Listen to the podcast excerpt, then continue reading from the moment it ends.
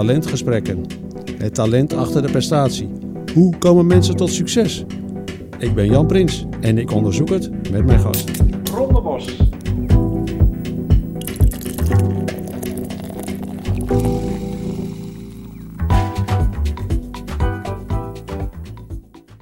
Ik had mijn due diligence niet goed gedaan. Ik was gewoon verblind geraakt. Ik was 40. Ik denk, algemeen directeur van het bedrijf. Nou heb ik het gemaakt. Hè? En toen heel veel fouten gemaakt. Eh, nou, als je dan op straat staat, dan denk je, nou is het over. Ik heb veilig IBM achter me gelaten. Ik heb geïnvesteerd in dit bedrijf, zes kwartalen, en ik ben nu ontslagen. Niet in jouw DNA zit. Nee. Eh, want je hebt natuurlijk eh, de bekende talentanalyse gedaan. En, en een van de uitkomsten bij jou is dat jij een soort van laserfocus hebt. Het is, dat is dan de drijfveerafwisseling die we meten. Ja, dan scoor je, laten we zeggen, laag op. Echt, echt laag. Hè? Iets nieuws beginnen, als je het oude niet op orde hebt. Dus doorbouwen op een, rotte, doorbouwen op een rotte basis, ja, dat is killing. ja, in mijn, in mijn idee. Dus ja, ik, ik ben wel iemand die gefocust begint met het herbouwen van het fundament. ja. Daarom bij corporate. Kijk, bij sommige andere in- innovatieve digital natives moet je het misschien anders doen, Ja. maar dan ben ik minder geschikt. Geen nieuwe dingen. ja, Geen nieuwe dingen in HR of in ja finance. precies. Ja, Of- jongens, laten we eerst goed doen wat we nu doen. Ja, En daar is genoeg werk nog even te verrichten. Dus ik wil nu geen nieuwe initiatieven. ja. Dat vond niet iedereen altijd leuk. Nee, Nee. Maar ja, dat was wel wat ik echt moest doen op dat moment. ja. En eigenlijk maar ook bij, andere, je- bij andere, kijk, andere mensen zitten anders in elkaar. Die, die, die nemen ook initiatieven, maar die gelukkig wel. Kijk, als ik alleen maar mensen naast me heb die hetzelfde zijn als ik, gaat het steeds fout. Want je valkuilen moet je oplossen, vaak. Niet door zelf te gaan, hard te gaan trainen op je valkuil, maar door te zorgen dat je team zodanig gebalanceerd is dat dat, of, of de structuur zodanig is dat die valkuilen ja, gecompenseerd worden. Dit is het moment van mijn 41-jarige opvolger was precies ook dat het, ja, die had het elan en heeft het ook nu voor elkaar gekregen, dat die groei er weer in kwam. Ja? En die groei kreeg ik er niet in. Gewoon heel eerlijk. Oh, dat is wel zelfreflectief wat je nu zegt. Ja, die kreeg ik er niet in. Ik had allerlei dingen gedaan die nodig waren. En ik was ja, gewoon niet meer de goede man daarvoor. En dan moet je ook gewoon reëel in zijn. Ja, Ik voelde dat en CGI voelde dat ook. Als ik echt iets heel belangrijk vind, dan bijt ik me erin vast. En dan laat ik het ook niet zo makkelijk los. Dus dat, dat, dat, dat, dat, die eigenschap. ja you choose your picks. Die blij- dat, ja, dat precies. nog Die steeds. blijf, je, die blijf je houden, die eigenschap blijf je houden. Je bent, je bent gewoon niet in alle omgevingen even effectief. Dus de context bepaalt ook een beetje Ja. hoe effectief je kan zijn en hoeveel impact je kan hebben als leider. Ja, Niet elke context past bij elke leider.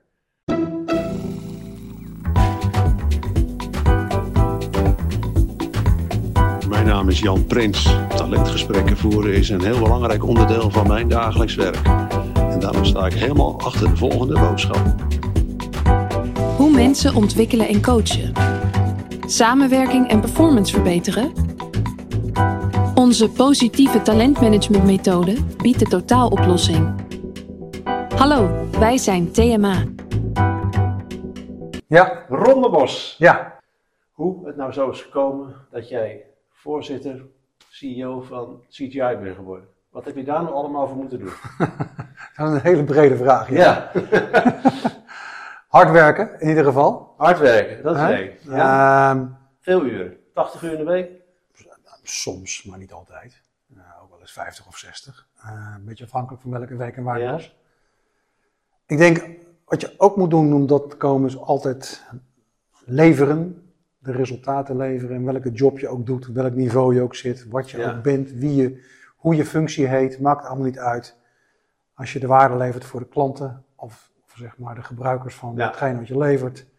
En je, bre- je brengt de interne waarde die verwacht wordt, dan kan je door. Ja. Als je niet levert, dan houdt het ook op. Ja. Dus Hard- eigenlijk zeg jij resultaten. Als je geen resultaten boekt, dan, Nee. dan houdt het snel op. Hard werken, resultaten leveren. En het derde is denk ik, ja, ook gewoon willen. Het opzoeken. Ambitie. ambitie, willen. En, en eh, de, de, de, ja, de- de- inderdaad, de, de ambitie hebben om door die ranks heen te gaan en de dingen te doen die je moet doen daarvoor, die soms heel leuk zijn en soms minder leuk zijn. Ja. Want voordat je bij CGI werkte, dat is voor mij het eerste om hebben elkaar ontmoet, toen zat je nog bij KPN. Ja, Eh, had je bij KPN ook die ambitie om, laten we zeggen, helemaal tot de top eh, te komen? Nou ja, kijk, zeker. Hè, dat was uh, de, hele top, dat, dat wil ik niet zeggen, maar zeker uh, raad van bestuur. Dat was ooit wel ja. de intentie. Ik kwam eigenlijk bij KPN omdat ze Getronics uh, hadden overgenomen. Oh ja, ja. En eigenlijk voor de zakelijke markt iemand zochten die ook een IT-veteraan was, veel IT-kennis had. Omdat uiteindelijk Getronics in de zakelijke markt van KPN toen de tijd wellicht geïntegreerd zouden kunnen worden. Daar hebben we ook onderzoek naar gedaan, daar hebben we anderhalf jaar aan gewerkt. Toen met de CEO van Getronics en ik vanuit de zakelijke markt. Nou, uiteindelijk is dat niet doorgegaan om allerlei redenen. Nee. Maar als het wel doorgegaan, was er een bedrijf ontstaan van 6,5 miljard. Een beetje cloud avant la lettre. Ja, Toen ben ik gevraagd om de corporate klant te gaan doen van Getronics. Ja. Toen ben ik in de directie van Getronics gestapt. Ja. En toen wist ik eigenlijk al, dat heb ik nog twee jaar gedaan, dat de reis waarvoor ik gekomen was niet meer de reis zou zijn die het zou worden. Dat kan niet. En na twee jaar ben ik in overleg toen met de CEO, ook uh, met opgeheven hoofd, uh, naar, buiten gegaan, weer een andere reis begonnen. Dus soms is de reis waarvoor je komt, de omstandigheden, wordt niet de reis ja. die je gaat maken. Maar als ik nou nog verder terug, hè, nou, dan we zeggen, de, de jonge Rondebos, die, uh, die, die, die, komt te werken in een corporate omgeving. En hoe, hoe, hoe dacht je toen al van, ik, ik ga hard werken en ik ga resultaten boeken? Nee, niet, niet van een keer ergens. Nee, niet van het begin. Ik heb nooit ambitie gehad om voorzitter van een bestuur te worden. Dat gaat ontstaat stap voor stap. Ik ben begonnen als programmeur bij IBM. Dus ik heb al acht jaar geprogrammeerd eerst. Dan ben je helemaal niet bezig met managementstructuren en met organisaties. En nee. Ik ben gewoon bezig met, uh, met goede, goede, software maken. Ja. Hè? In die tijd. Uh, of het goede software was, dat kunnen we nu misschien opnieuw beoordelen. Maar, dat, maar dat was wel toen wat we vonden. Nobody ever got fired for uh, choosing IBM precies, software. Precies, precies, precies. dat was niet. En dit verkochten we toen nog niet, ja. maar dat was allemaal intern toen. Ja. Um, nou, en daarna stap je uiteindelijk, uh, ben je toch ja, ambitieus en, en, en, en, wil je... Maar mij was het altijd dat ik dacht, ja, die manager van mij, die, die, ja, die doet een aantal dingen, maar dat, dat, ik, ik vind daar een aantal dingen van. Ik, moet het eigenlijk, ik wil het eigenlijk anders gaan doen. Ja. Nou, op een gegeven moment krijg je de kans en dan word je uiteindelijk eerst ineens manager. Dan ga je een afdeling ja, aansturen. Vanuit de programmeursrol ben ik in de managerial rol gestapt. Ja, nou ik heb eerst nog even toen drie jaar fulltime in het dagelijks bestuur van de ondernemersraad gezeten. Dat was in een periode, dus aan, ik, toen ik programmeur was, eigenlijk acht jaar, wilde ik al manager worden, maar dat vond IBM eigenlijk niet zo'n goed idee. Toen ben ik verkozen in de ondernemersraad, toen ben ik in de centrale ondernemersraad en het dagelijks bestuur van de centrale ondernemersraad. Dat was toen 5500 man IBM. En ik heb drie jaar in het dagelijks bestuur van de ondernemersraad, centraal de ondernemersraad gezeten, een fulltime functie. En toen zat ik ineens aan, aan tafel met de directie. Hmm. en toen na drie jaar... Is dat dan een carrière tip? Je... Nou ja, het heeft voor mij gewerkt. Ik weet natuurlijk niet dat dat voor iedereen werkt. Iedereen was altijd heel zenuwachtig over de ondernemersraad. Ah, dat moet je niet doen. Nou, voor mij heeft dat dus heel goed gewerkt. Want wat ik kon doen, in die drie jaar, zag ik natuurlijk ineens IBM Nederland vanuit de top. Weliswaar vanuit de rol vertegenwoordiger van de, van de, medewerkers. Maar de agenda was natuurlijk de agenda van directie. Ja. Nou, ineens krijg je een totaal ander beeld. Dus ik had eerst programmeur. Dan zie je eigenlijk niet zoveel van het bedrijf. Niet van de commerciële kant en niet van de hardware kant en niet van... Nou, toen ineens waren er allemaal thema's natuurlijk dat ik het hele bedrijf zag. Ja. En toen begon ik IBM beter te begrijpen. Ja. Dus na drie jaar zwaaide ik af. Ik wilde niet herbenoemd worden. Eén, drie jaar, één periode was genoeg. En toen zei IBM, nou, ik vind het wel een goed idee dat je manager wordt. Maar toen was ook wel dat jij dacht, ik stop met programmeren. Dat, uh, ja, nee, maar dat was mij duidelijk. Ik, ik, dat, het was wel, wel, snel duidelijk eigenlijk. Maar ik ben al een tijd doorgegaan dat ik gewoon, nou, ook gewoon, uh, ik, had, ik was een gezin aan het bouwen en ik was ook gewoon andere dingen aan het doen. Um, maar na zeg maar vier, vijf jaar had ik al door dat er zeg maar, toen al natuurlijk externen waren, hè, van, van uit zijn bureaus, of nou, dat heet geen data bureaus. Uh, die waren veel sneller, joh. Die waren veel beter. Die waren echt technisch. Die waren, en ik was eigenlijk niet technisch. Ik had een economieopleiding. Dus ik was eigenlijk helemaal niet heel technisch. En er, waren, er kwamen mensen binnen, joh. Die waren gewoon uh, veel scherper, veel sneller met die machine. Toen dacht ik op een gegeven moment na een paar jaar, ja, dit is niet, dit is niet waar ik uiteindelijk het verschil mee kan maken. Ja, ja. Er zijn anderen die veel beter zijn. Ja. Maar ik ben wel altijd blij geweest, tot op de laatste baan die ik kort gedaan heb, dat ik die basis van programmeren nog JCL, Job Control Language geschreven, software in productie gebracht. Uh, dus productie, test, al die, die principes van ICT heb ik natuurlijk gewoon, ik heb assembler geschreven, ik heb, dus je bent zo dicht bij de machine geweest, dat je wel de principes van ICT, die zijn natuurlijk in feite nooit veranderd. Ja. Ja, de rest en is- daarmee ook heb ik Ja. altijd ook verstand van wat er nou eigenlijk gebeurt op de werkvloer. Ja. Ook toen je aan de bestuurstafel zat. Ja. Dat helpt natuurlijk ook. Dat helpt, ja. In, ieder geval Ja. in de IT konden ze me niet echt Ja. eh, blazen, zeg Maar maar. oké, als ik nou probeer even eh, van hoe kom ik nou aan de top? Dus wat je zei, eh, resultaten leveren, eh, uren draaien, eh, misschien een beetje geluk dat je die... Ook zeker. Of, Zeker. toch geluk. al... Nee, ook geluk. Je plant niet alles. Nee, sommige dingen plan je, sommige dingen... Maar dat is wel iets waardoor jij dacht, ik ga die ondernemersraad in. Dat was aan de ene kant dat je dacht, ik hou het technisch niet meer bij. Nou, ik wist in ieder geval dat ik niet meer professioneel developer van software wilde zijn. Dus dan, dan ik heb ook nog even twee jaar les gegeven in, in, in ontwikkelmethodieken. Oh ja, ja. Eh, toen mocht ik ook reizen voor IBM. Toen mocht ik ineens naar Engeland en naar Zweden om cursus te geven in die software devel- development techniek. Dat was datamodellen bouwen en procesmodellen bouwen. Ja, ja. Dus daar heb ik nog les, intern lesgegeven aan andere IT'ers van IBM. Dus ik was al weg van de machine, zeg maar, van het coderen. En toen, les, en toen dacht ik, ja, ik vind dit veel leuker. Ik vind met mensen werken en eh, dingen organiseren vind ik leuker dan met die techniek bezig zijn. Dat wist ik wel. Ja. En toen ik een manager kon worden, toen dacht ik, nou ja, ik, ja, ik ben wel in die zin een beetje eigenwijs. Dan denk ik, nou, doe ik het op een andere manier. ja. En toen ben ik gewoon, eh, Ja, ben ik ja. gewoon op, ben ik gewoon... Maar ben je toen ook gekozen voor de, voor de OR? Ja, nou, dat bedoel ik met geluk. Dat, daar, daar, daar, moet je, daar moet ik aan denken. Dan moet je wel het geluk hebben dat je één, dat je gekozen wordt in de, in Ja, de maar dat is divisie. een beetje PR natuurlijk. Je moest een beetje... Ja, precies, maar in die, in divisie. OR gekozen worden wordt niet zo moeilijk, want er waren heel weinig kandidaten. Niemand wilde het. Oh. Dus, dus dan moet je vervolgens komen er vier van die divisie naar de OR, die moeten gaan in de centrale nemersraad. Ja, daar moet je wel bij zitten. Ja. Dan moet je een beetje geluk hebben, een beetje PR, een beetje Ja. grote mond hebben af en toe. Een beetje, eh, hè, dan moet je een beetje fake it till you make it. Van jongens, ik ga dat wel even voor je regelen. Ja, ja, ja. En uiteindelijk komt daar dan weer een dagelijks bestuur uit. Nou ja, dat wilde ook niet iedereen, dus, ik, dus dat lukte dan wel. ja. Maar daar- je hebt gelijk, als dat niet gebeurd was, had ik niet op dezelfde manier aan tafel gezeten met de directie van IBM. Nee. Dan was ik in de divisionele OR geweest. Nou, daar, daar, dat is interessant, hè?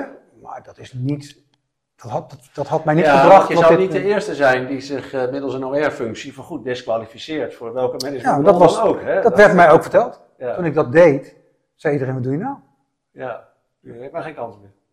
Nee, nou ja, maar toen Maar was jij zo'n eh, constructief meedenkende Ja. OR-lid? Ja, er waren in die OR toen de tijd waren bonden, zetels. En er waren mi- leden van de raad, leden van de dagelijks bestuur, die waren lid van de bond. Ja. En er waren twee die waren niet lid van de bond. Die waren IBM'er, om het maar zo te zeggen. Die waren ook IBM'ers. Die waren ook lid van de bond. Ja, ja. En die waren ietsje fanatieker. in die tweede categorie. ja. Ik, zat in- dus ik was IBM'er, maar zeker niet lid van de bond. Dus ik heb wel de rol.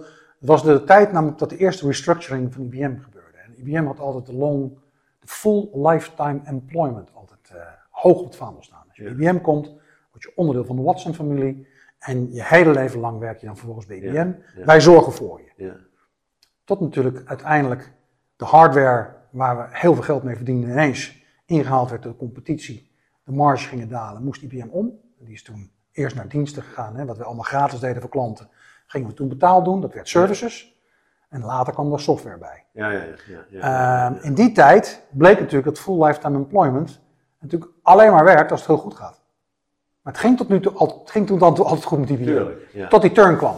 En toen ineens kwam er een restructuring. Nou, dat was een cultuurschok. En ik zat toevallig Toen zat jij in de OR? toen zat ik, toen zat ik in. Dus we hebben een heel intensief traject gehad om die eerste restructuring af te ronden. Dan moesten we natuurlijk niet alleen advies, moesten we ook instemming Ja. Nou, dat was met, recht, Ja. met, dat was met dreigen met rechters. En toen gingen die bonden gingen heel acti- activistisch. Ja. En ik was niet van het activistische. Ik was echt van, nee, jongens, ik moet eh, kijken naar het belang van de werknemer. Maar als er geen bedrijf is, dan heb je ook straks het belang van de werknemer niet. Zo zat ik er altijd eigenlijk in. ja. Dus je moet die balans. Nou, die balans die werd ook wel gezien. Die wacht ik altijd in discussies. ja. Dus En ik- dat heeft jou later misschien ook enorm... eh, nou, in ieder geval hebben ze gezien dat ik iemand was die van zeg maar, eh, de school kwam. Van, je moet met elkaar gaan overleggen. Je moet uiteindelijk ja. eh, prioriteiten stellen in de dingen die je moet doen. En als Ja. die restructuring eenmaal, als de cijfers zodanig zijn dat de restructuring on, on- on- ja, onafkeerbaar is, ja, dan kan je beter de restructuring goed gaan inregelen, omdat je blijft strijden tegen de restructuring. Ja. En dat deden de bonden. Ja. Eventjes. Nou, dat was eigenlijk. eh, ja, ik snap hem. Ja. niet dat, daardoor, dat ik daardoor vervolgens manager werd, maar het zijn wel de. Ik leerde heel snel en heel veel in die drie jaar. En zij leerden mij kennen in die drie jaar. En op een gegeven moment, als je één van de vele professionals bent van de 5500 mensen, je wil manager worden, is dat interessant. Dat kan. En, en velen werden dat ook. Maar ineens was ik natuurlijk heel zichtbaar voor het, ja, voor het topmanagement van IBM. Ja. was een van die vijf die aan tafel zat. Ja. Nou, dan, dan heb je een ander profiel. Ja. En dat is misschien dan een stukje geluk. Het profiel dat heb je opgebouwd. En toen op een gegeven moment vonden ze het wel een goed idee dat ik lijstmanager werd. Ja, nee, want ik denk ook als je, we zeggen, eh, als, als manager ergens verantwoordelijk voor bent, is het ook van belang dat je het van twee kanten bekijkt. Dan kan je natuurlijk wel alleen, laten we zeggen, voor die aandeelhouder een poot uit je lijf lopen. Zeker. Nou ja, later toen ik natuurlijk bij IBM doorstoomde en carrière maakte. En ik, kreeg, ik werd zelf bestuurder van een OR. En later heb ik het bij KPN gedaan. En ik heb dat met eh, CGI natuurlijk vijf Je jaar doet het vanuit een directiefunctie. Vanuit directiefunctie. werd ik zelf bestuurder van een OR. Ja, en dan helpt het natuurlijk als je kan zeggen, jongens, ik heb drie jaar op jullie stoel gezeten. Hè? Ja, Ik weet precies jullie wereld. Ik heb dat drie jaar gedaan. ja, En dat heeft mij later heel veel geholpen. ja. Oké, dus dit, tot nu toe hebben we het eigenlijk een beetje gehad over hoe kom ik nou aan de top? Ja, In jouw geval, hè? hard werken, leveren, willen en geluk hebben. Ja, dat is het. We hebben nog iets Ja, denk- ja ongetwijfeld. Oké, Dan komen we ja. De Dan rest van het nog wel op. Heel goed. Nou, eh, zeggen mensen natuurlijk vaak, ja, aan de top komen is één ding, aan de top blijven, moeilijk. Eigenlijk veel moeilijker. Is ook moeilijk. Hoe, heb- hoe heb je dat ervaren? Met vallen en opstaan. Ik, eh, ik, ben, ik ben na 19 jaar bij IBM ben ik weggegaan. Toen ben ik algemeen directeur geworden van een bedrijf van 800 man. Hier in Nederland. Een Amerikaans bedrijf. En dan kon ik een algemeen directeur worden. Ik zat in Zuid-Afrika met mijn gezin voor IBM. Dus de boel ingepakt. En ben algemeen directeur geworden van een bedrijf. Weggegaan bij IBM. Ja? En na zes kwartalen werd ik bij dat bedrijf op staande voet ontslaan. Ontslagen. Op staande voet. Ja, Ja. dus dat wil maar zeggen dat ik dacht dat ik bij IBM zoveel had bereikt dat ik wel even een bedrijf van 800 man kon omturnen van Een platte kleintje natuurlijk, voor IBM Ja, begin. precies, dus ik dacht Ja. de hele wereld zoals IBM in elkaar zat en dat als je maar op zijn IBM's deed, dat je dan succesvol zou zijn. Nou, dat leerde ik heel snel in zes kwartalen dat dat niet zo is.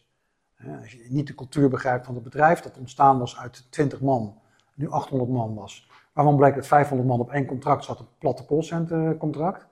Ik had mijn due niet goed gedaan, ik was gewoon verblind geraakt, ik was 40. Ik denk algemeen directeur van het bedrijf, nou heb ik het gemaakt.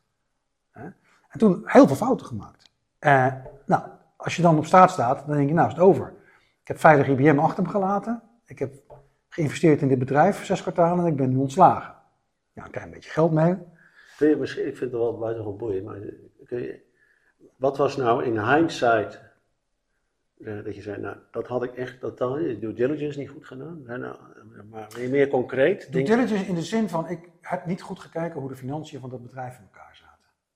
En wat de gevaren waren. Het bedrijf wilde graag omhoog in de waardeketen. Ja, En die zochten iemand die ze van platte detachering, ja, callcenter werk, kon helpen naar zeg maar high-end consulting. Ja. Dat wilden ze graag. Dat was wereldwijd de strategie. Ja. Dus ze zochten iemand die dat kon. En ik kon wel high-end consulting, had ik gedaan bij, bij, Ja. bij eh, IBM. Ja, je komt hier weer vandaan, je komt maar ik uit ook, maar ik moest ook gewoon tent runnen. Ja. Maar ik had eens, hè? En bij IBM runde ik ook wel een grote afdeling. Maar er zaten wel allemaal staven omheen. HR-staven en, en finance-staven en, en juridische staven. En daar bij het kleinere bedrijf was het natuurlijk niks. Moest je alles zelf doen. Dus dat is één. Ik had geen goede, geen goede diligence. Ik had eigenlijk nog nooit zelfstandig een tent gerund. En het derde was, ik had me niet, niet goed verdiept in de cultuur van het bedrijf. Want ik had natuurlijk 19 jaar IBM gedaan. Maar het bedrijf was ontstaan uit 20 mensen, die, ook, die zaten nog steeds in dat bedrijf van 800 man. En die hadden gewoon allerlei, dat waren gewoon, het was een soort cultuurcircle. En dat was een hele sterke... eh, Sterke band, eh, sterke buiten band die hadden. lijnen. Ja. En mijn baas, die ik opvolgde als directeur Nederland, die werd directeur Europa. En dat werd dus mijn baas. Ik ging zijn baan doen en die was een van die twintig. Dus je had in dat bedrijf allerlei tentakels eh, die ik niet wilde zien, niet zag, niet, niet, niet belangrijk vond. Ik deed gewoon mijn ding. Hè, dat zag je ook in mijn profiel. Ik ga gewoon aan de slag. Ja? En Ja. ga, ga rennen. Ging Ja. toen rennen. Nou ja, en achter mij eh, zei ze op een gegeven moment, nou, op een gegeven moment zei ze, nou, dat is interessant. En op een gegeven moment zei ze, nou, laat hem maar rennen. Die rent ze wel kapot. En als laatste heb ik toen de commercieel directeur van Nederland ontslagen. Maar die was de vriendin van Ook- mijn baas. Ook een van die twintig. Ja, Ja. ja. maar nee, nee, die was de vriendin van mijn baas. Oké, die had, hele, eh, ja, En die had dus- een eigen lijntje. Dus achteraf zei ik nog steeds, ik had inhoudelijk wel gelijk, maar het was geen slimme move. Nee. Dat heeft hij me ook niet... Wist je dat, dat ze vriendin was, of kwam je daar later Dat achter? ik. Nee, dat wist ik. Ja.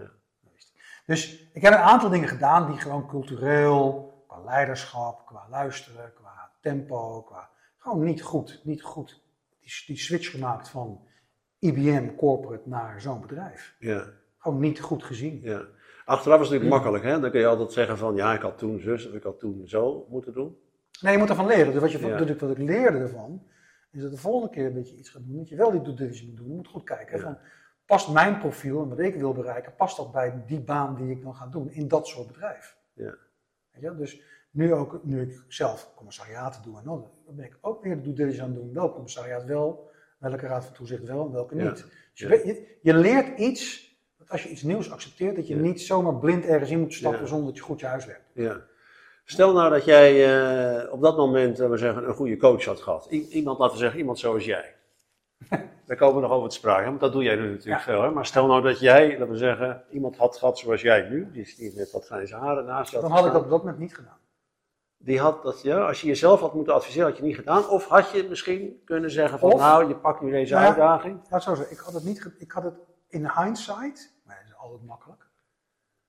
Ik, het, het was sowieso gebeurd, ondanks een coach, denk ik, omdat ik zelf ervan overtuigd was, 40, nu is het moment. Die stond er niet voor open eigenlijk. Ik stond er echt niet voor open voor coaching, denk ik. Als hij er geweest was, had ik wel geluisterd, maar ik had het toch gedaan, denk ik. Ja. Eh, maar hij had me wel kunnen helpen. Als met, eh, coaching voor een keuze is iets anders dan coaching voor onboarding. Als ik het eerste jaar een coach had gehad die het bedrijf goed had gekend, had ik in zeker van de tien valkuilen, had ik waarschijnlijk een zeven niet gelopen. Ja. Dus, dus in die zin had ik niemand naast me die af en toe zei van joh, let even op, dit, dit, dit, dat, dat, dat, luister daar eens naar, ga daar eens praten. Dat was heel handig geweest. Ja. En dan had het anders gelopen, denk ik. Ja. Nou ja, wat ik me helemaal kan voorstellen is dat als je natuurlijk zegt, je hebt een coach. Kijk, als je een sporter bent en je hebt een coach, ja, dat is natuurlijk fantastisch. Want hoe kan je een goede sporter zijn zonder coach? Als jij in het bedrijfsleven werkt en je hebt een coach, dan zitten mensen nog een beetje naar je te kijken van, eh, is er soms iets mis? Snap je? Dus dat we zeggen, het hebben van een coach wordt- is eigenlijk vaak negatief. Nou ja, zeker in de Anglo-Saxische culturen is dat zo, ja. Eh, ik vind dat onzin. Ja, nu misschien. Nu. Maar wat je eigenlijk net zei is, Maar IBM was het inderdaad not done. ja, En ik denk inderdaad dat, in, zeker in die tijd, was dat inderdaad niet, niet ja, common dat je dat zomaar deed. Dat, ik wel, dat is een goed punt wat je zegt. Eh, coach wordt soms gezien als een zwakte. ja, Dan moet je wel zeggen dat de meeste CEO's van grote bedrijven hebben coaches. ja.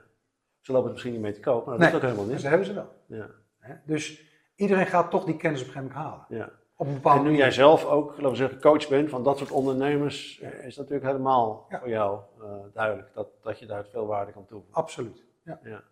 Ja. Aan de andere kant zou je misschien ook kunnen zeggen, weet je, je moet ook een keer in je valkuilen stappen om te weten dat het je valkuil is.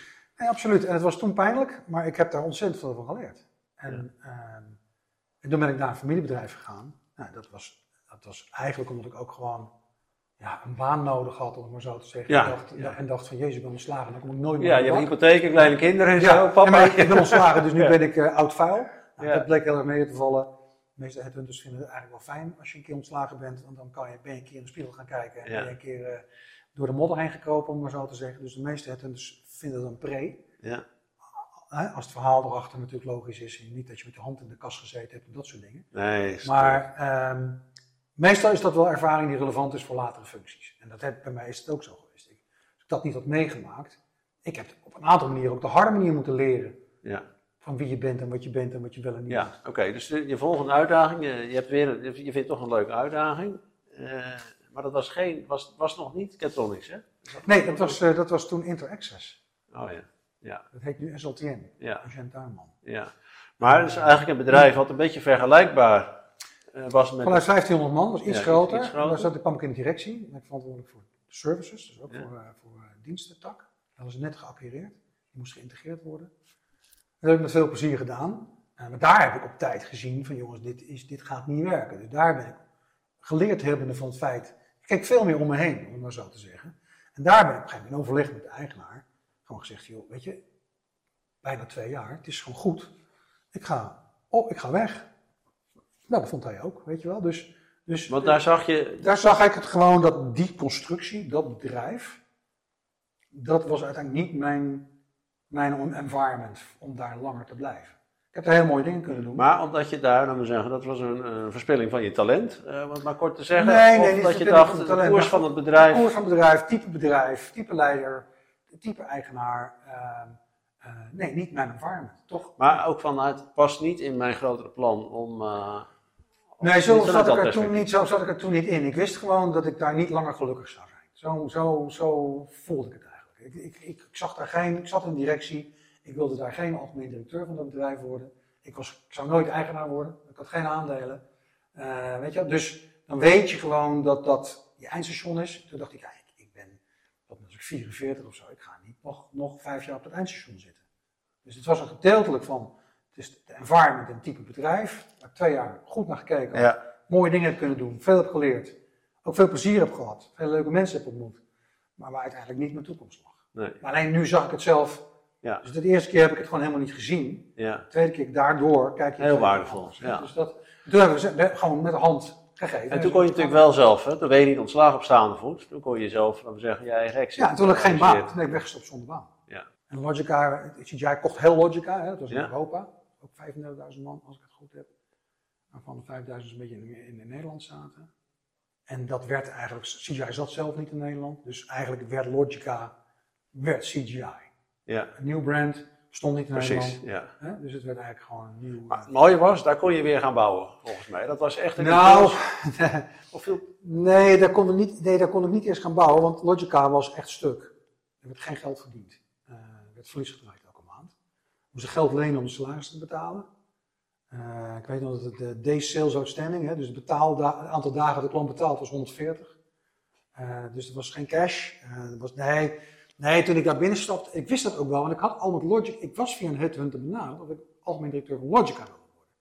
Dat was voor CGI. Ah, op die manier, ja, ja. In juni ergens. Ik was weggestapt bij KPN, ik werd gebeld. Maar deze keer toen ben ik gaan praten. Toen ben ik gaan toen ben ik, ja, toen, precies. Toen ben ik gaan praten met, met de CEO uit Engeland. Ik kwam Schiphol aan met de CFO. Toen ben ik naar Schiphol gegaan. Heb ik anderhalf uur met die mensen gesproken. En toen heb ik besloten het niet te doen.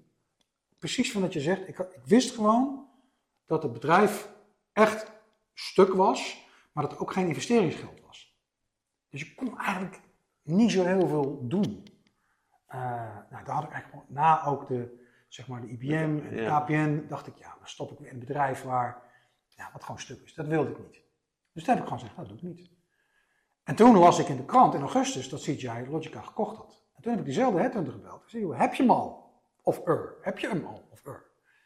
Nee, ik heb hem nog niet. Ik zeg, nou, ik zou wel het CGI-kennis willen maken. Ik lees het hele verhaal. Eigenaar is eentje begonnen. Ja. Heeft nu uh, eh, 70.000 mensen en 13 miljard, of 11, wat was het, 12 miljard.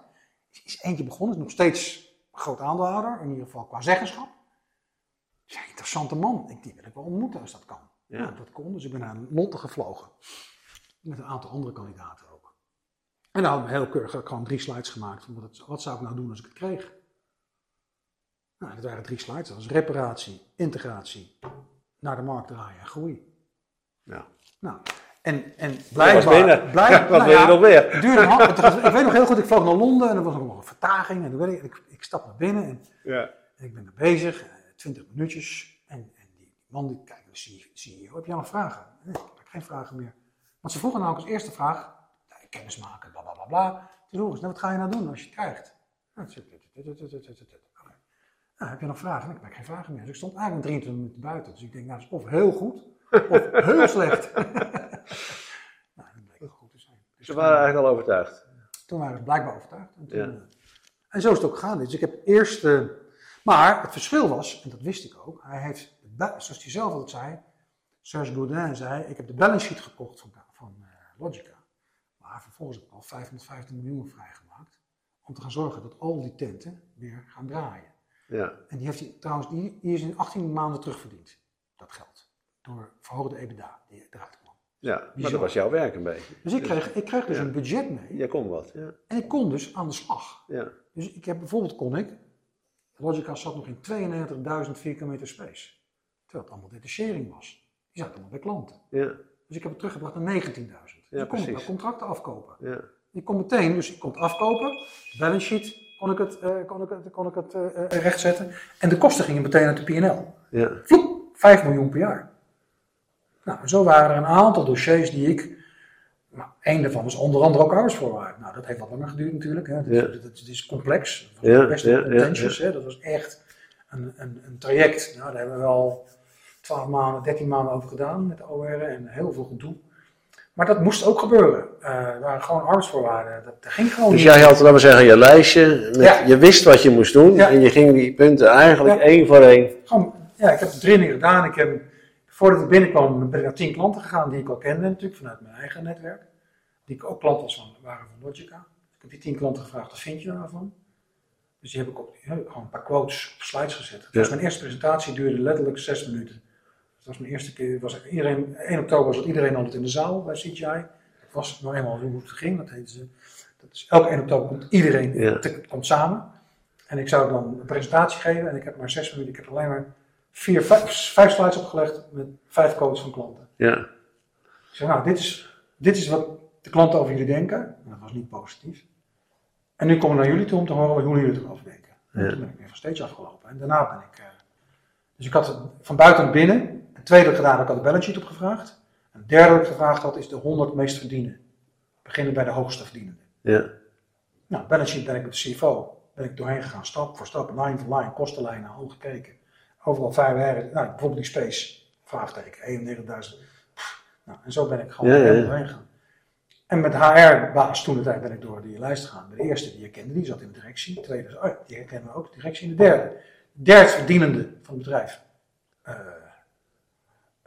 dat moet ik even opzoeken. Ik weet niet waar die zit. Ja. Nou, die zat ergens bij een klant. Ja. En tegen een verkeerd tarief. Ja, Dus die, was, ja. die was ergens geparkeerd of die was niet goed. eh, Ja, het is, Dus- zo, het is zo, dus- maar als, dus jij het vertelt, Ron, is het eigenlijk heel makkelijk. Hè? Het lijkt heel makkelijk. Zo doe je het een beetje overkomen. Van, nou, Ja, maar de reden dat- iets. maar de- kijk, je komt in een bedrijf waar je niemand kent. Maar dat had ik al twee keer gedaan. Ja. Dat helpt. Ja. Begrijp je wat ik bedoel? Dus, keer. dus, mijn, hè, dus, dus het was de derde keer dat ik in een nieuw environment terecht kwam. Ja. En ik had een veel beter plan hoe ik dat dan zou gaan doen. ja. Ik, Maar weet je, er zijn ook denk ik heel veel mensen die komen in zo'n bedrijf weg. En ook al hebben ze allemaal een carrière gedaan, die nemen bijvoorbeeld 100 dagen de tijd om eens eventjes, laten we zeggen, kennis te maken met de organisatie. Die gaan een soort eh, tour doen, die gaan eens met iedereen praten. En, en laten we zeggen, die zijn al een jaar verder. die tijd was er niet. Nee, nee, nee. Trouwens, dat ook de CGI. Maar het zit, het zit ook CGI niet in is- jou. CGI Het zit niet in mijn DNA, Nee. maar het zit ook niet in de DNA. Dus die, wilde gewoon meteen gewoon echt integreren. Hè? Nee. En, en, Nee, want dat is wel grappig, jij brengt dat nu zelf in. Het zit niet in jouw DNA. Nee, dat, dat weten wij ook, dat het niet in jouw DNA zit. Eh, want je hebt natuurlijk eh, de bekende talentanalyse gedaan. En, en een van de uitkomsten bij jou is dat jij een soort van laserfocus eh, hebt. Het is, eh, dat is dan de drijfveerafwisseling die we meten. Ja, daar scoor je, laten we zeggen, laag op. Echt, echt laag, hè. Dus, dus eh, mensen die daar hoog op scoren, dat zijn vaak een beetje innovators. Of die hebben de neiging, wat ik net zei, hè, die gaan dus even een rondje langs de velden doen. Dus even alle informatie ophalen. Maar jij hebt echt een, ja, eigenlijk voordat je binnenkomt, die drie slides, heb je al een soort van idee wat je wil gaan doen. En dan ga je ook heel hard aan, aan trekken. En het was ook echt, in, dat, in dit geval, was ik ook echt overtuigd dat de directie die er zat, gewoon verantwoordelijk was voor de resultaten van Nederland. Mhm. En ik heb in de eerste twee directievergaderingen gezeten, dat was de vierde natuurlijk. Ik ging op een gegeven moment gewoon wel luisteren. Ik ging, het was dertien mensen die in een zaal zaten. En na twee keer heb ik toen op een gegeven moment, de derde keer heb ik geïnterveneerd, heb de agenda opzij geschoven. En ik zeg, jongens, toen heb ik gezegd, er is geen cash, er is eh, geen EBITDA, er is dit, dit, dit, dit, dit, dit. En, nou, dit zijn dus de hoofdproblemen van, hè, er is de afgelopen 18 maanden waren geen grote deals gescoord, geen nieuwe deals gescoord. Er was geen- dus geen inflow, geen, geen geld om de salaris te betalen. En toen heb ik gezegd, nou, nou pakken we de agenda terug. Wat staat er op de agenda?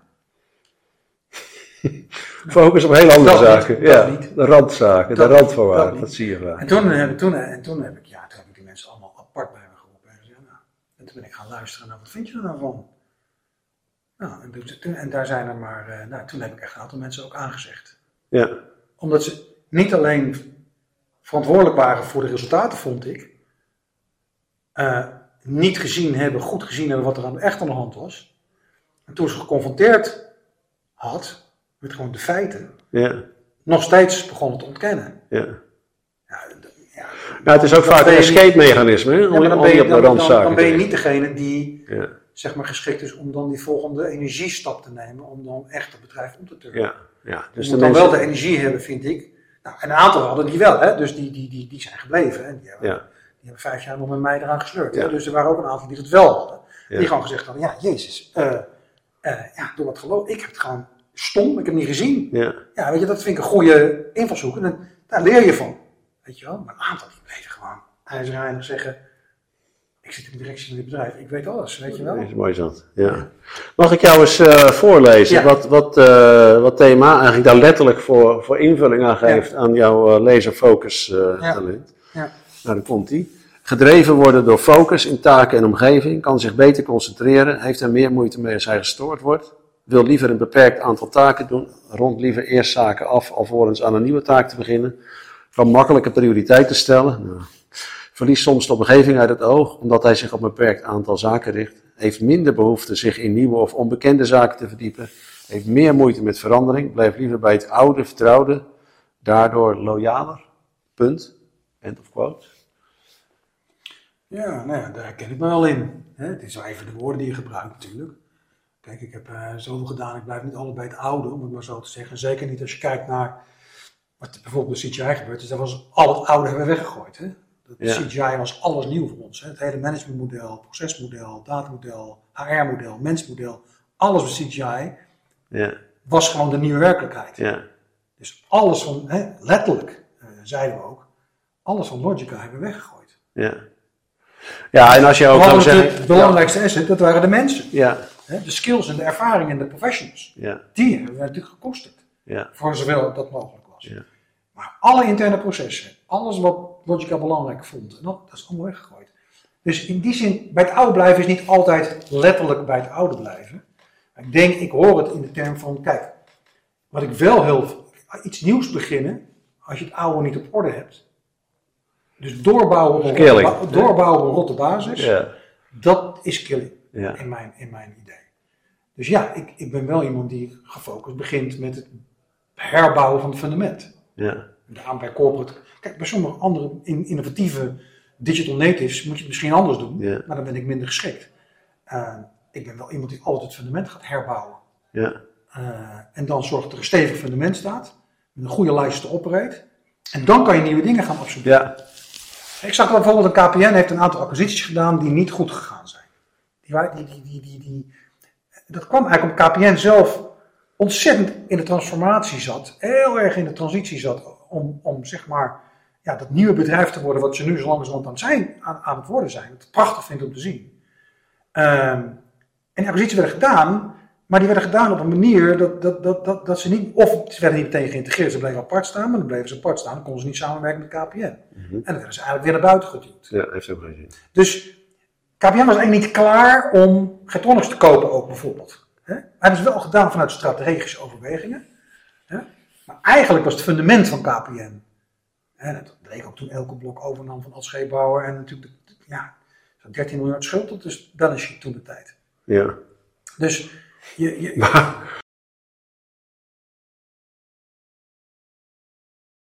anders, kijk, eh, eh, eh, elke leider in, elk, in- zijn tijd doet de dingen die ja, vindt dat hij moet doen. Hè? Dus daar heb ik geen waardeoordeel over. Ik zeg alleen, toen dat gebeurde, was de nieuwe werkelijkheid zodanig dat je, ja, dan had eigenlijk, strategisch gezien, had je dat misschien niet moeten doen.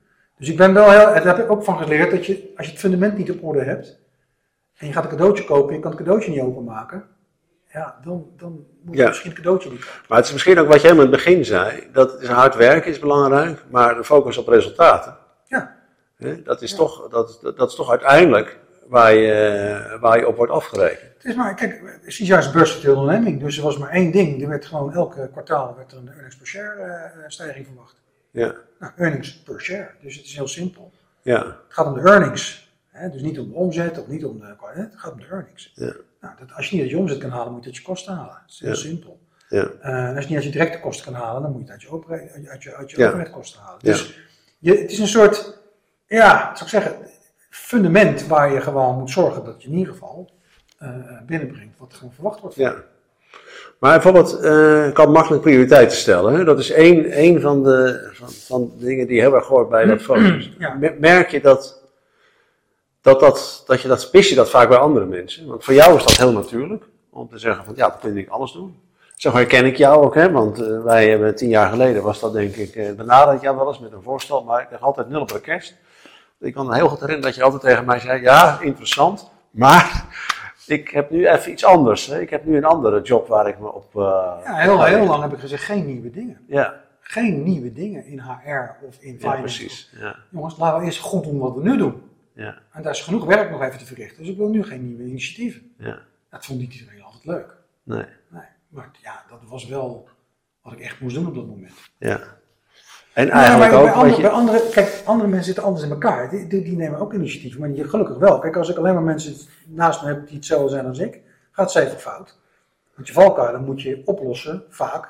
Niet door zelf te gaan, hard te gaan trainen op je valkuil, maar door te zorgen dat je team zodanig gebalanceerd is dat dat, of, of de structuur zodanig is dat die valkuilen ja, gecompenseerd worden. Ja, dus jij bent niet de innovator in het Nee. proces, maar je zorgde wel dat je mensen om je heen had. Nou, op het moment dat Die wel de fundamenten op orde kwamen, moest natuurlijk.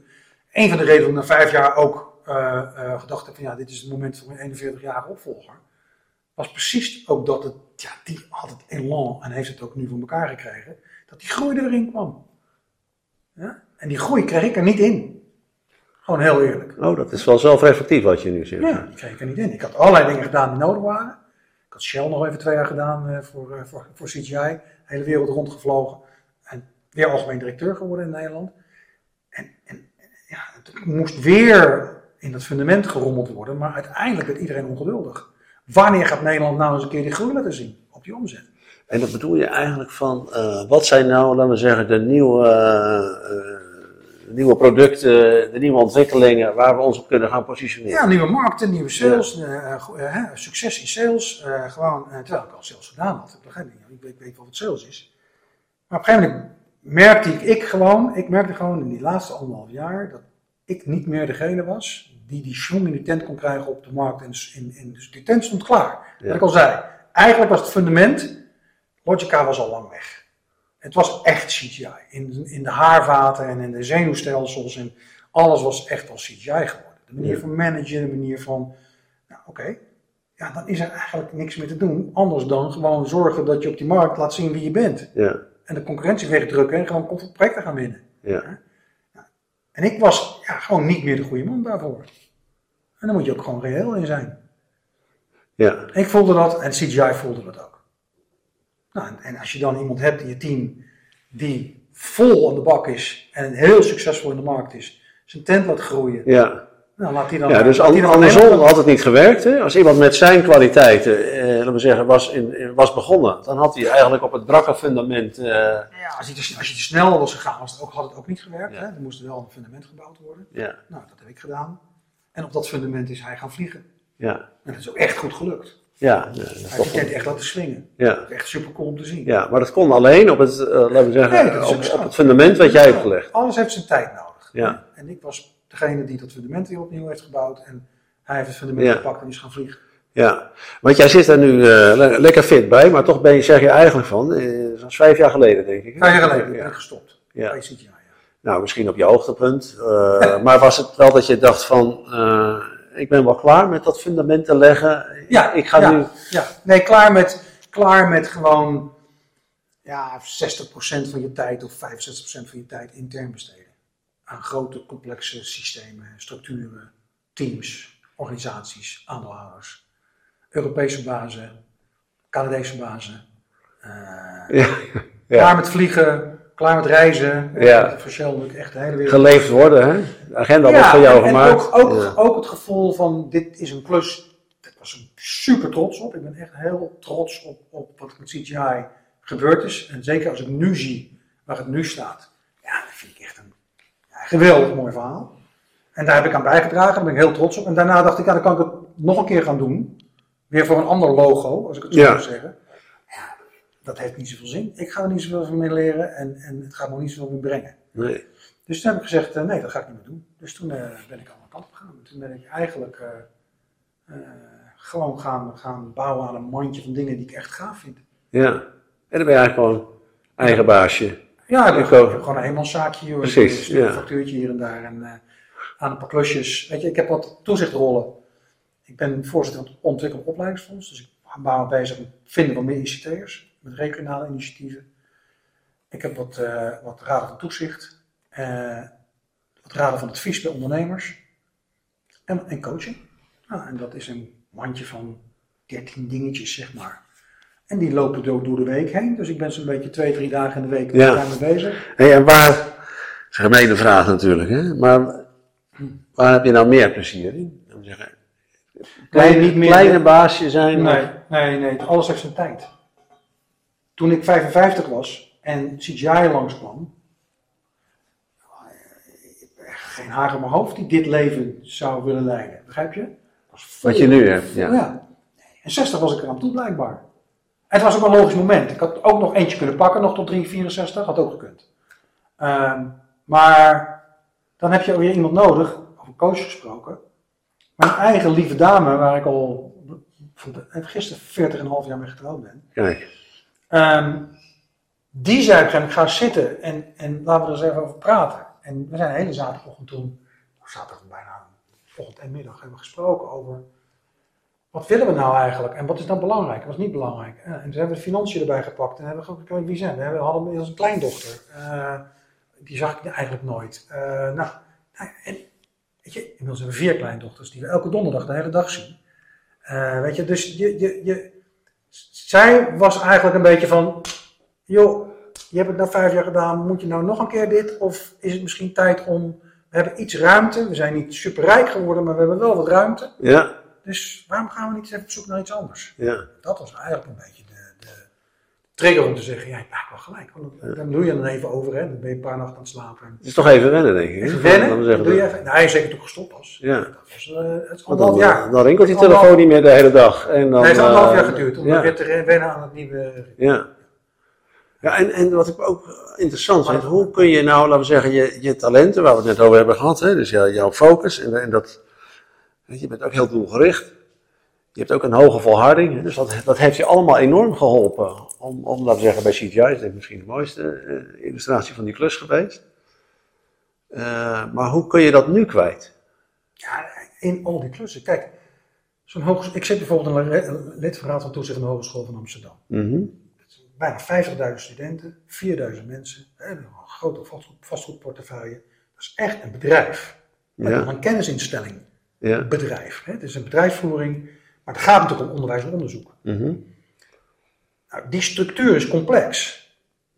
Ja. En ik heb een IT-achtergrond, digitalisering, Ja. snap ik. En cybersecurity bijvoorbeeld, snap ik. Weet je wel? Dus ik heb twee jaar in de Nederlandse... Ja, maar je zit niet in een executive rol, dus jij kan Nee, wel, laten we zeggen, nee. adviseren over. Nee, maar kijk, die anderhalf jaar dat ik net zei dat het duurde, is inderdaad de omslag van ik zit niet meer aan het stuur. Hè? Ik geef advies, Ja. ik hou toezicht. Wat ja, in feite, tenzij het misgaat, ook eigenlijk advies is, zou moeten zijn. Hè? Ehm, en ik heb een bepaalde mogelijkheid om dingen op de agenda te zetten. Zo moet je het eigenlijk zien. En je Ja. moet even leren, nou even. Ik had wel de commissarisopleiding gedaan van Nijrode twee jaar. Ja. Dus ik had wel geleerd, in ieder geval wat de commissaris ongeveer zou moeten doen. Maar toen ik het eerste Ja. keer ging doen, en toen lette de Raad van Toezicht, eigenlijk dat jouw middel is natuurlijk vragen stellen en dingen op de agenda zetten. Ja, maar je moet ook op je handen zitten. Zeker? Dat is voor jou, denk ik. Nou, maar daar heb ik ook een tijd over gedaan. En Ja. nog ben ik, denk ik, een beetje atypische, atypische eh, zeg maar, toezichthouder. Als ik echt iets heel belangrijk vind, dan bijt ik me erin vast. En dan laat ik het ook niet zo makkelijk los. Dus dat, dat, dat, dat, dat, die eigenschap... Ja, you choose your picks. Die blij- dat, ja, dat nog precies, steeds. Die blijf, je, die blijf je houden, die eigenschap blijf je houden. Maar je hebt wel geleerd inderdaad dat je rol is anders. Nou, dan moet je gewoon ook, dan moet je niet verwarren. Je moet niet ineens eh, proberen aan het stuur te gaan zitten of eh, in de stoel van de bestuurder. Dat moet je zeker niet doen. Het heeft geen Ja. enkele zin. Dat leidt alleen maar tot de Ja.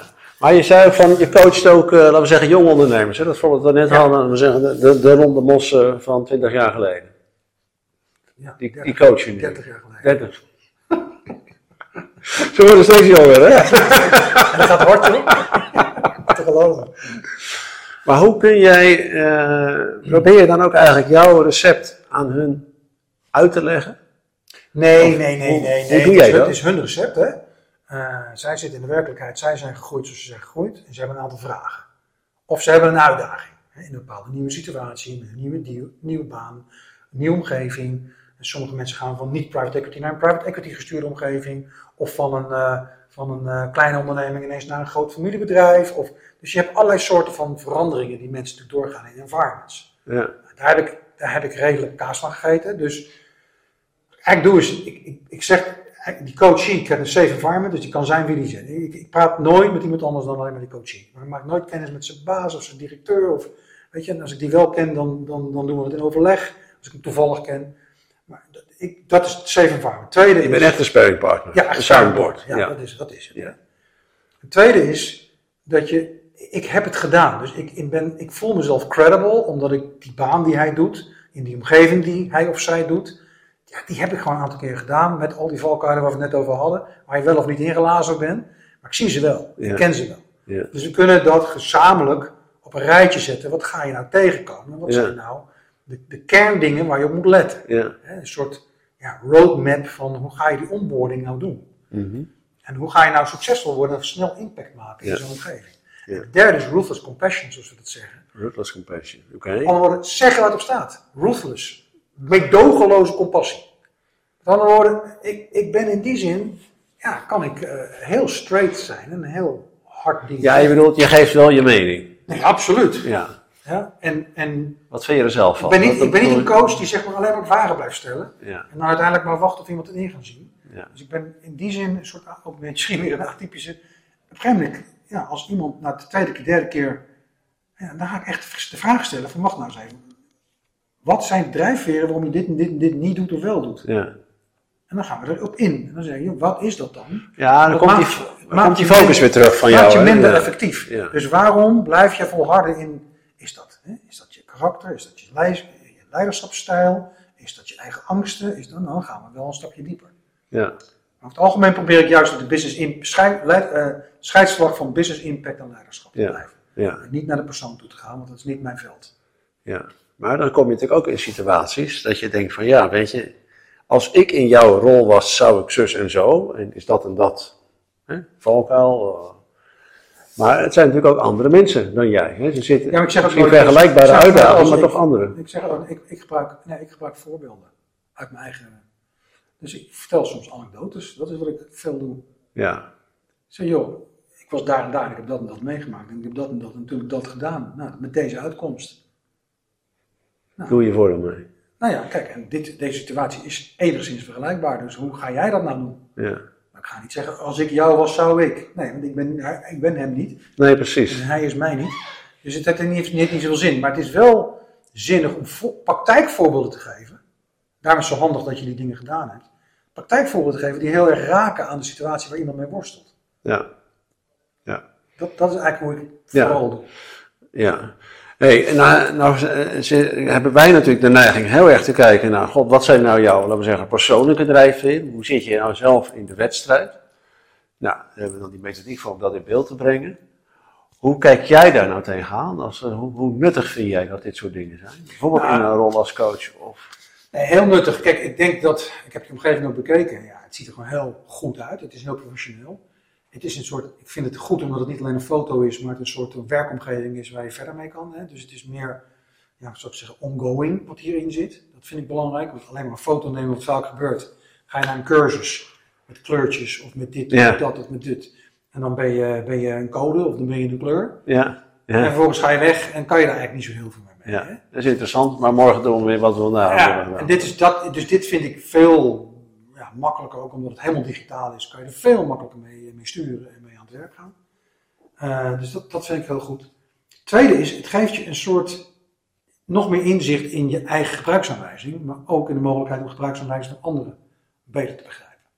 Dus als je samen wil werken, dan moet je natuurlijk gewoon begrijpen eh, hoe iemand gemotiveerd raakt, of zichzelf kan motiveren. Ja, Eh, maar vooral ook waar zijn rode knoppen zitten waar je gewoon niet aan moet komen. Omdat Ja. het gewoon destructief werkt. ja, Nou, dat zit hier ook in. En dat vind ik heel goed. Ik denk dat samenwerking gaat uiteindelijk natuurlijk om het gezamenlijke resultaat. Het gezamenlijke visie, het gezamenlijke doel.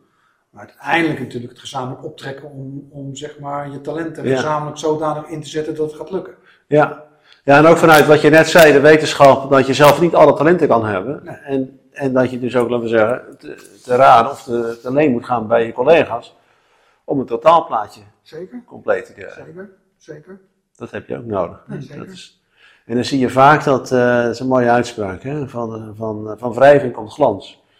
Dus juist waar je eigenlijk, hè, bijvoorbeeld in jouw geval, die, die focus die jij hebt, nou dat is super belangrijk, maar soms heb je ook wel eens situaties dat je juist niet te veel dat wil hebben. Nou, en als je dat dan van elkaar kan gebruiken, juist er met inzetten. En je bent, je bent gewoon niet in alle omgevingen even effectief. Dus de context bepaalt ook een beetje Ja. hoe effectief je kan zijn en hoeveel impact je kan hebben als leider. Ja, Niet elke context past bij elke leider.